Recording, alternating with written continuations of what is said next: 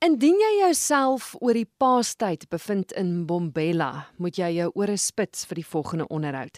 Want ek gesels met Lizaan Barnard, sy is musikant, sanger en komponis. Ons gesels oor 'n produksie, dis 'n musiekblyspel.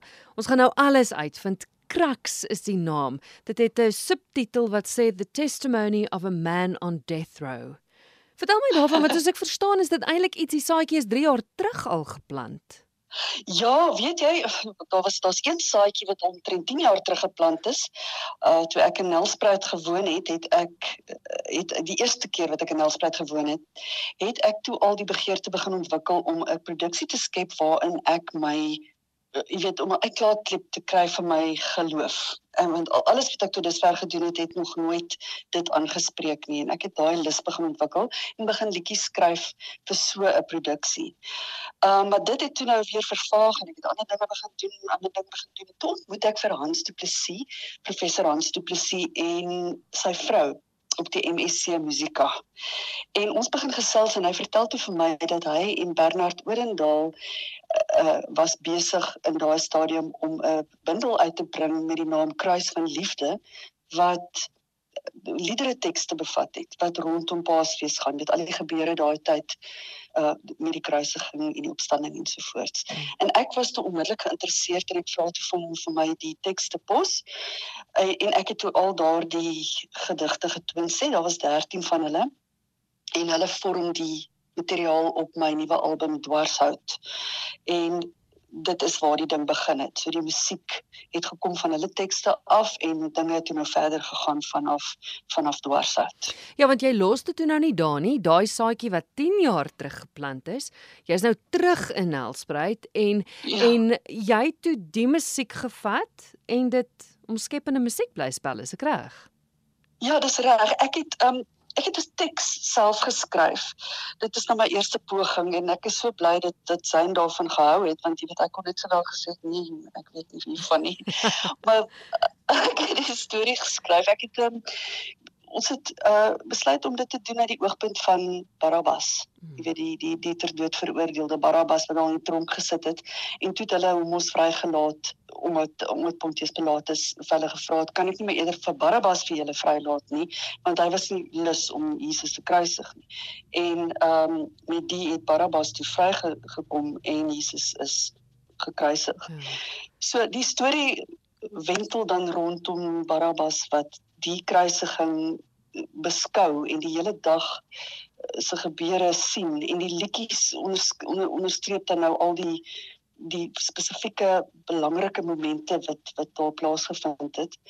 En Barabbas begin dan deel vorm van daardie ehm um, jy weet die die die die uh onderwerpe van daai liedjies. En hoe hy dan lettertyd dinge aanspreek in sy eie lewe, jy weet ek het so, iets opgemaak. Uh dis eintlik fiktief, jy weet die mm, goed wat ek mm. opgemaak het, maar dit sluit dan nou in. Met ander woorde, dit is eintlik 'n kykie na die kruisiging vanuit 'n doodnormale mens, 'n skuldige mens soos wat ons almal is, ons almal se se se oogpunt. Die die teks handel ook ek het die ek het die hele onderwerp van vader en seun verhoudings ook ingebring. Dit is natuurlik iets wat ons almal weet wat onder andere te midde van klomp ander dinge ook 'n groot uh, krisis is vaders vaders en seuns wat nie oor die weg kom nie.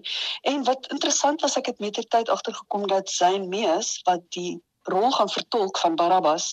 Hy is ook hy jy weet dit is iets wat hom baie na in die hart lê, ja. vader en seun verhoudings en hy doen gereeld praatjies daaroor en so. So dit was net vir my baie lekker dat die twee dinge so bymekaar gekom het sonder dat ek geweet het dat dit iets is wat wat hy hom ook voor uitlaat, jy weet. Ja. So. Ek ek dink dit is ja. so 'n nodige tema, maar wat my opgewonde maak ook is Ek meen die verhaal van Jesus se kruisiging is al soveel keer vertel en uit soveel perspektiewe, maar ek ja. wil my verstou deur om te sê ek ek dink nie ek het al uit uit uit Barabbas se perspektief dit gehoor nie. So dit dit gaan lekker wees om om te sien hoe hoe hy dit beleef het uit sy oogpunt uit. Ja, wel.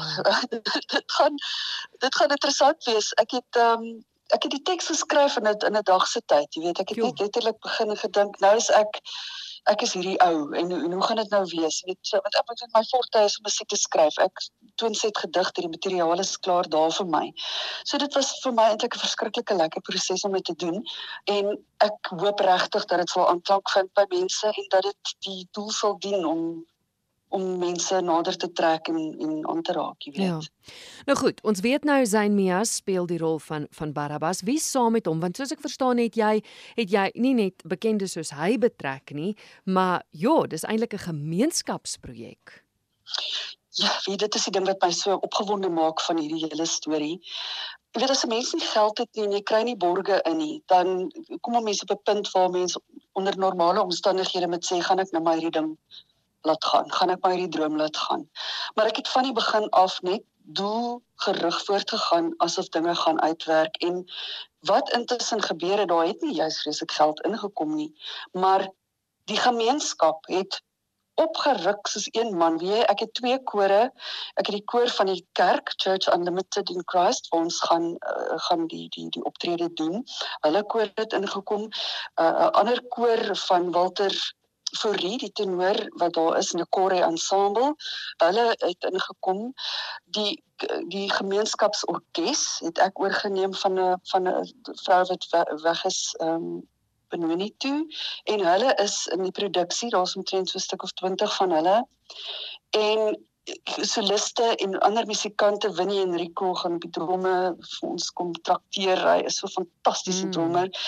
Is 'n sangeres wat ek ook bring van van af, jy weet, buite Mombela, maar die meeste mense is is mense en dan sal ook die SOS kinders, jy weet, ons het mense betrek van alle hoeke en kante. En wat vir my die fantastiese ding is, is dat daai mense word nie betaal nie, maar hulle daag op op daai oefeninge met glimlagte op hulle gesigte. Hulle is opgewonde en hulle is nou al so weet opgewerk met hierdie opgewondenheid dat dit elke oefening is net omtrent soos 'n partytjie. Dit is net fantasties hoe hulle tafel toe gekom het weer. Ja. Lisan vertel my gou van die regisseur. Ons regisseur is 'n man met die naam Andrew Botha. Hy het altyd die ballette en operas by druk gedoen destyds. Nou Andrew is 'n absolute meester op die gebied van audiovisual projeksies. En ons twee se koppe werk so dieselfde. Hy het soveel respek vir my musiek en ek het soveel respek vir wat hy met dit met dit doen en die dinge wat hy al van tevore gedoen het. Ons het mekaar nog net twee keer vinnig ontmoet. En ehm um, nou praat ons also baie oor die foon, oor die produksie dat ons net vir ons ken mekaar al jare. Ek voel uiters bevoorreg om met hierdie man saam te werk en uh ek hoop dit sal dit sal weer in die toekoms kan gebeur. Andrew Botha is absoluut fantasties. Maar daar gaan nie Ivy projeksies en goed ook in die produksie wees nie. O, oh, daar gaan, daar ja. gaan. Dit gaan 'n baie groot rol speel in die hele hele ding. Andrew gaan op alles projekteer. Daar's drie skerms wat selfs op die dak projekteer. Hy hy gaan mal. So dit gaan visueel werklik baie besonder wees. Dis ook 'n baie spesiale plek waar dit gaan plaasvind. Ek ken Church Unlimited. Ek gaan vir luisteraars ja. sê wat wat in die bos toe altyd gegaan het. Hulle was nogals lief daarvoor om uh, een van hulle klassieke konserte, hulle vlaggenskap produksies by Church Unlimited te doen. So dis dis nogals ja. dis 'n wonderlike. Hulle is so goed toegerus eintlik vir 'n produksie soos die geweldig veral nou weer want destyds toe ek deel was van van die kerk het hy net die helfte van sy kapasiteit gehad. Hulle het nou intussen 'n hele muur uitgebreek mm. en hy is nou dubbel sy grootte wat hy was en hulle het absolute state of the art die mees moderne uh klanktoerusting, ligtingstoerusting uh die pragtigste verhoog uh weet dit is net dit is 'n droom om daar te gaan optree. En die mense daar wat ook nog altyd vir my baie goeie jy weet herders was en en en vriende was nog altyd het net eens weer eens opgestaan en my begin help en mm. onderskraag en en van hulle kant af doen hulle absoluut net wat hulle kan en saam gaan ons hierdie ding maak werk. Dit is so voorreg. Ja. Nou goed, ons het ons het bepaal dis by Church Unlimited in Bombela. Wanneer is julle te sien en hoe gaan luisteraars kan maak om dit by te woon?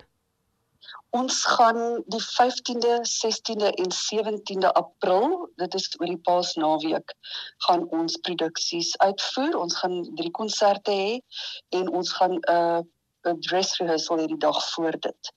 So ons gaan ook kyk of ons bietjie jy weet vir pensionaarsse en mense kan uitnooi vir daai eerste uitnodiging dat mense net vir net kan kom.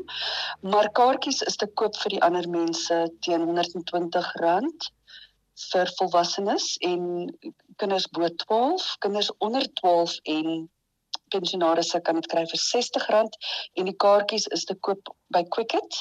Maar uh, as mense sukkel om deur Quicket in te gaan, kan hulle maar net die kerkkantoor skakel en kan ek vir jou die nommer gee van die kerkkantoor. Asseblief ja. Dis 082 447 3827.